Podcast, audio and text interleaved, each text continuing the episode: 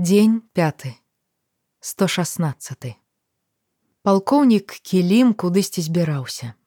Ян ведаў што час ужо не такі ранні і гадаў чаму дзед не выпраўляе яго ў школу. Мо баіцца што ўнук падхопіць модны вірус? Але навошта нагадваць калі ён і сам не супраць крыху адпачнуць ад заняткаў? Вось зараз спадымецца заправіць ложак і сядзе чытаць падручнікі каб не адстаць ад класа. У дзверы пашкрэбліся. Дзед адчыніў, нават не спытаўшыся, хто. Цімо пазнаў пастуку. Іванович, даражэнькі, ты злодзея прымусіў увесь ліфт адмыць. От жа ж прафесіянал, не тое, што ўчастковы наш, не даклікацца, а даклічася плёну нуль. Я ўжо сама пайшла была мыць, думала, пэўна, не знойдзеш.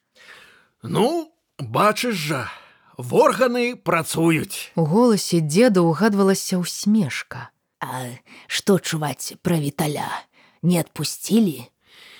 Ды хто яго адпусціць? Трапіў у машыну, Хоць бы язык прыкусіў, дык не. Нагаварыў на цэлую бочку. Глядзі, каб яшчэ не падвалілі. Прыдурак, сказаў, як сплюнуў дзед. Ну, мо болей не пойдзе. Хорошы ж хлопец але ж звязаўся з дурнямі. Ой звольніць жа могуць. І правільна зробяць калі звольняць. Ну иванович ты хаця трымайся. Трымаюся сямёнаўна бывай здарова. Пайду пройдуся дед бразнуў замком.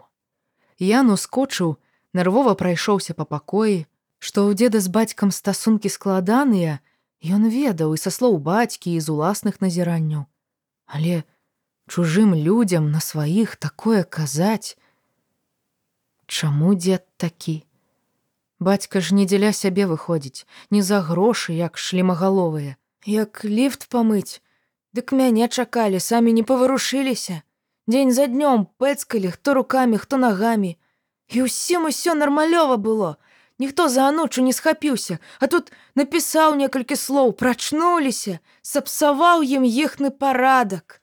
Так і дыктатура, азваўся тадэвуш. Яна памалу па дробязі акружае, запэцквае, адбірае нашу волю, правы, магчымасці, заваёўвае нас пакрысе. Сышло з рук адно, выдумляе іншае, болей і болей, а мы маўчым ці то не заўважаем, ці то лічым, што ў патрэбны час усё выправім, а потым праліваецца кроў і не выправіш і не адыграеш назад. Калі мы пераможам, нам трэба будзе трымаць свае ліфты ў чысціні, змагацца з кожнай плямкай адразу ж, каб болей не дапусціць такога. Значыць, калі я маўчу, што мне не падабаецца імя ваня, Гэта дае дзеду падставы думаць, што я і ў астатнім з ім пагаджуся, што тата прыдурак і нездаляка, што нашыя суседзі дурні або наркаманы ды прастытуткі. Сам бачыш. Ян схапіў са стала чырвоны маркер, ускочыў на дзеда ў ложак і размашыста напісаў на ўсю сцяну: Мяне зваць Янам, менты, забойцы, не даруем, не прабачым. Ён злез і перавёў дух. Што зробіць дзед? Прапіша яму рэменя? Напэўна. Гэта не дома, дзе яму дазволілі спісаць сцяну над ложкам матэматычнымі формуламі, каб паўтараць іх штодня перад сном. І змыць надпіс са шпалераў не атрымаецца. Тады, калі быў малы, плакаў са страху. Не ад болю, наўрад ці дзед прыклаў яго рэменем як след так прыстрашыў бо слядоў ніякіх не было. Бацька дома яго распрануў ды агледзеў. Цяпер давядзецца трываць. Сэнсу адгаворвацца няма. У кватэры ён адзін. Ды і не збіраецца Ян гэтым разам хавацца. Не для таго пісаў на ўсю сцяну. Што будзе, Хай тое і будзе. Звякнуў ключ у замку. Я наблізнуў сухія вусны. А можа, пачакаць пакуль дзед пойдзе ў ванну, выскачыць у вітальню ногі ў боты куртку ў руки і прэч адсюль. Працёгацца пакуль дзед астыне, а тады вярнуцца. Дарослыя, калі хвалююцца за дзяцей, звычайна потым Нядоўга сварацца. З ванны данёсся шум вады. Ногі самі панеслі хлопца ў вітальню, грукнулі дзверы за спінай. Цікава. хмыкнуў тадэвуш. Я начуў, што нешта не тое забудкам, зірнуў на ногі, правую ступню ён усунуў у левы красовак, левую ў чорную туфлю 43 памеру з правай нагі. Уцякаць з дому ў такім выглядзе было поўнай бязглуздзіцай. Хлопец увайшоў у вітальню, замкнуў дзверы, досыць набегаўся, хутчэй бы толькі ўсё скончылася. У старых бацькавых кніжках Ян зрэдча страпляў на апісанні пакарання рэменем, бізуном. Аднойчы ў турэцкім фільме бачыў, як дзяўчыну лупцавалі тоўстым прутом па пятах. Мала натхняльнае відовішча, што і сказаць. Стараючыся не глядзець на крывавыя літары, што распаўзаліся як тараканы на светлых шпалерах, Ян стаў спінай да акна. Успомнілася фраза аднаго з мушкіцёраў з бацькавага любімага фільма. Нас тут расстраляюць ці адвядуць за бруствер. Хацелася б яму пачувацца так спакойна ды ўпэўнена, гле дзе там. Сэрца адчайна калоціцца, ці то ў горле, ці то ў жываце, калені слабеюць. Дзед увайшоў. Ян што моцы заплюшчыў вочы. Гаўно ў цябе почырк, Ваня. Працуй над каліграфіяй, а то будуць трымаць за непісьменнага. Пачуў Ян і расплюшчыў вочы, бо не ведаць, што адбываецца ў пакоі, было вышэй за ягоныя сілы.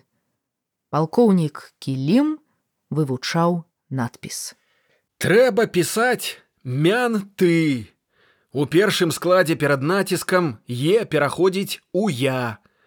Пасля не даруем ставіцца коска, бо не даруем і не прабачым аднародныя члены сказа. Дед падышоў да стала, узяў пакінуты янам на відавоку злачынны маркер, акуратна паправіў памылкі. Сядай, здавальняюча. Іншы раз хоць у гугле спраўдзі. А лепей чарнавік пішы ды паказвай каму пісьменнаму. Лепей бы яго адсцябалі рэменем, чым словам. Ян з нянавісцю глядзеў на деда, а той адсунуў ложак, скруціў з паловы падлогі дыван, ступіў на зэдлік і з жудасным трэскам пачаў абдзіраць са сцяны шпалеры. Першы я на ўсказ здзёрся да рэшты. Затое два апошнія трапілі на добра праклеенае месца. Але дзед гэтым не пераймаўся здзёр, што само адстала і выйшаў. Па шуме можна было здагадацца, палез на антрэсоль. Ян падышоў да сцяны.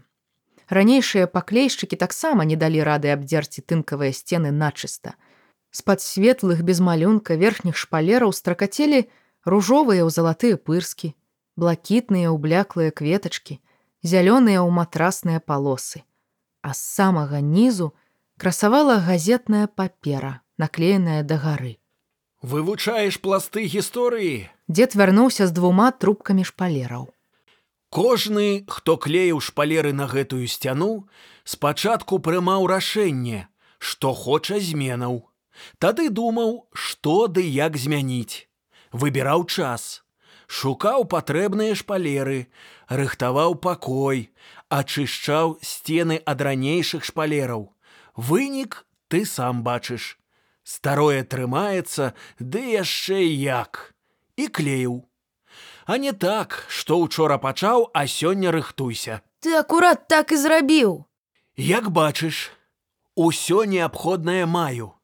Шпалеры адразу з запасам купляў, бо за ложкам яны хутка зашмальцоўваюцца, а ўвесь пакой праз гэта пераклейваць зашмат працы.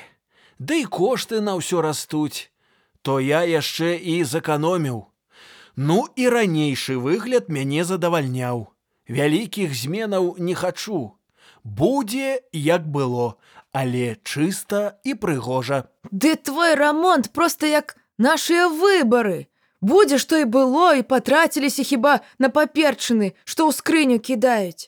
Бюлетэні. Зачыні фортку і балкон.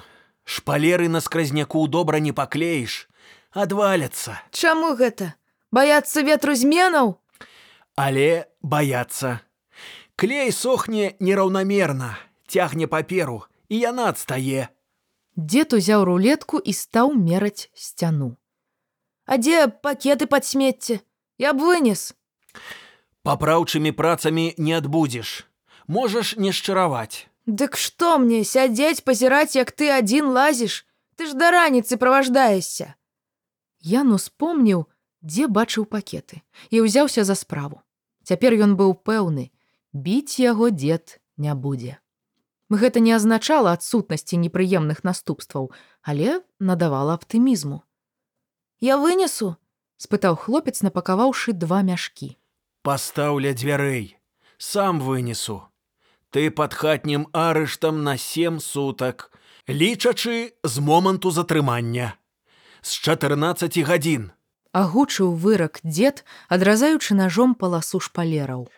З дому можаш выйсці хіба ў выпадку пажару ці землятрусу. Пытанні ёсць? Няма пытанняў, весела адказаў Ян. Тыдзень адседзець у хаце ці тыдзень не прысесці. Хіба тут ёсць паміж чым выбіраць, а бонусам тыдзень не хадзіць у школу.